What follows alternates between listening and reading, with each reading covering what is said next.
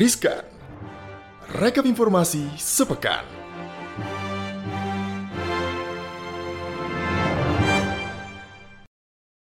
Halo Sobat Cuan Hai hai Hai, ada suara Angel lagi setelah kemarin terjeda oleh Gibran yang Iya, kembali Hari ini kembali Angel karena Gibran sibuk ya sekali.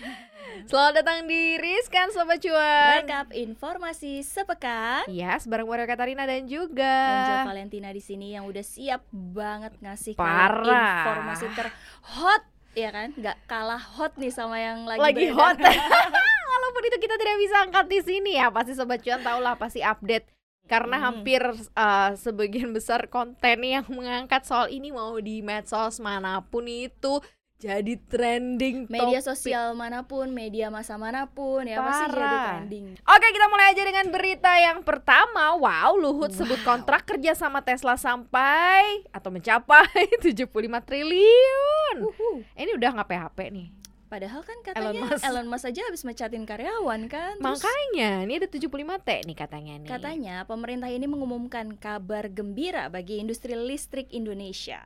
Menteri Hmm. Koordinator Bidang Kemaritiman dan Investasi Luhut Binsar Panjaitan menyebut, perusahaan mobil listrik pabrikan Amerika Serikat Tesla akan berinvestasi di Indonesia. Semoga nggak PHP ya. Mudah-mudahan Karena kan yang ngomong udah Lord Bener. Jadi loh. nggak boleh nggak boleh salah ini pasti informasinya prominent informasi dari orang paling A1, terpercaya A1 betul. gitu ya Luhut mengklaim juga bahwa Tesla telah menekan nah ini nih kontrak kerjasama dengan salah satu industri di kawasan Morowali dan Luhut menambahkan nilai kontrak kerjasamanya sekitar 5 miliar US dollar atau setara 74,31 triliun rupiah Anjol. Tapi Pak Luhut juga menegaskan, pemerintah Indonesia ini selama ini tidak memiliki kendala berarti dalam proses negosiasi bersama eh, bersama Tesla gitu ya. Mm-mm. Bahkan Pak Luhut juga mengaku pemerintah telah merencanakan pertemuan dengan tim Tesla dan tim Tesla dikabarkan akan datang di bulan Agustus ini. Wuhu. Oh, ini udah minggu kedua Agustus sih. Tinggal sisa dua minggu lagi harusnya. Kita tunggu. udah datang nih, udah ada woro-woro nih, belum ada eh, terdengar kayaknya ya. Luhut juga menekankan kedua belah pihak sudah melakukan perjanjian untuk tidak membuka informasi apa pun kepada masyarakat terkait segala hal yang sedang dibahas. Jadi masih disclose, masih Rahasia. rahasia, masih belum bisa dibeberkan. Tapi kan kalau di Morowali mah udah ketahuan lah ya mau apa itu kan siapa aja ada di situ kan tahu ya Iya, pasti. bener. Sobat cuan mah googling aja gampil. udah pasti tahu. Oh ini, oh mau gini, gitu pasti langsung. Tapi yang jelas kabar baik ya setelah Betul. beberapa kali tarik ulur tarik ulur jadi nggak jadi jadi nggak jadi mau datang nggak jadi ini Mm-mm. jadi akhirnya akhirnya tanda tangan juga. Akhirnya. Thank you deh Pak Mas Ellen. Tapi Elon yang ini kabar gembira nggak ya? Kalau yang tadi kabar gembira, yang ini kayaknya mengkhawatirkan nih kak. Terkait Karena kuota pertalite kita ini sisanya tinggal 6,2 juta kiloliter. Waduh. Solar tinggal 5,01 juta kiloliter. Wow, di mana data ini didapatkan dari PT Pertamina melalui PT Pertamina Patraniaga yang mencatat kuota jenis bahan bakar minyak, pertalite dan jenis BBM tertentu solar kian menipis. Tercatat sampai dengan Juli 2022, konsumsi BBM pertalite sudah mencapai 16,8 juta kiloliter dari Wow. kuota tahun ini yang ditetapkan cuma 23 juta kiloliter. Jadi udah kepake 16,8 padahal masih sisa 5 month ya, 5 Iya, bulanan lima ya. bulan lagi. Masih panjang perjalanan. Betul. Ya kalau kayak gini artinya ya kuota BBM yang dipakai sejuta umat Indonesia ini ya ini tersisa ya tadi tinggal 6,2 juta kiloliter Hmm. lagi. Sementara konsumsi solar subsidi ini sudah mencapai 9,9 juta kiloliter eh, dari kuotanya itu 14,91 juta di tahun 2022 ini atau hanya tersisa 5,01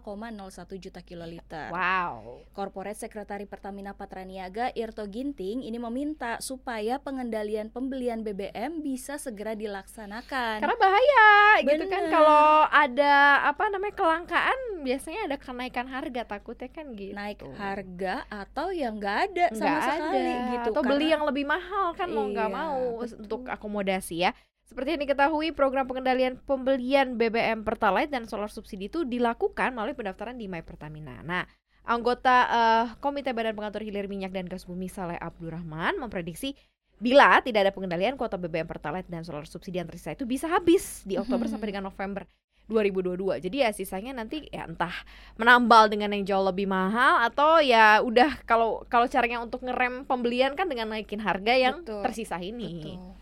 Tapi Gitu. ya itu naikin harga, rakyat menjerit. Ah. Dikasih pembatasan, rakyat juga menjerit. apalagi ditambah ada yang naik harga Itu makanan dia. sejuta umat Ini semakin kita. menjerit kayaknya. kan? parah tahu nggak kalau nggak ada duit kan ngapain lagi coba lo main ke warung beli mie instan Telur mie instan itu udah Gak usah terbang pakai di telur kadang-kadang udah surga banget makan mie instan satu biji ya itu udah Tapi gimana nih? Harga mie instan naik. tiga kali lipat. lebay tanggapannya gitu katanya Kata berlebih ya.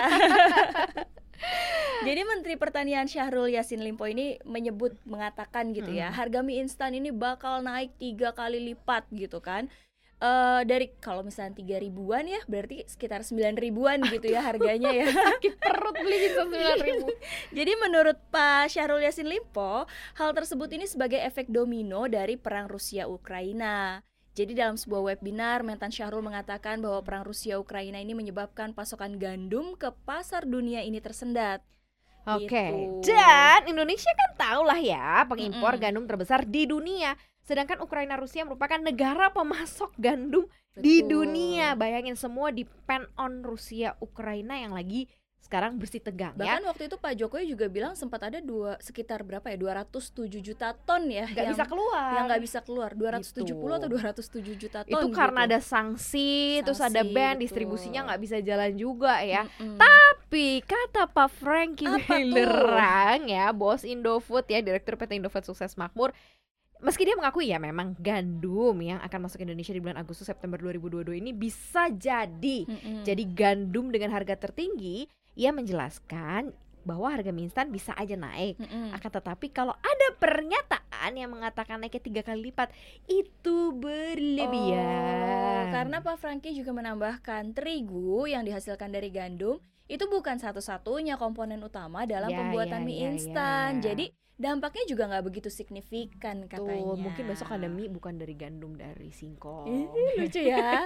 mie dari kentang. mie dari Jadinya inovasi ya. Inovasi. Bener, menyesuaikan karena tidak ada bahan utamanya diganti disubstitusi dengan bahan lain. Betul. Kalau ini bingung mau substitusinya apa karena ini adalah substitusi. Tapi karena aku sebagai pengguna ya, ini nih semuanya naik ya, tarif Bener. ojol naik, tol naik, tarif Tapi tiket pesawat. signifikan sih. Oh iya, Ya, gimana tuh? Jadi Kementerian Perhubungan menerbitkan aturan baru soal tarif ojek online ya Sobat Cuan ya. Hmm. Aturan itu terdapat dalam keputusan Menteri Perhubungan nomor li, eh, KP 564 tahun 2022. Hmm. Di tengah kenaikan harga pangan, pemerintah juga sudah menaikkan harga tarif eh, ojol untuk tiga zonasi Oke. termasuk Jabodetabek yang akan mulai naik eh, per 14 Agustus 2022 mendatang.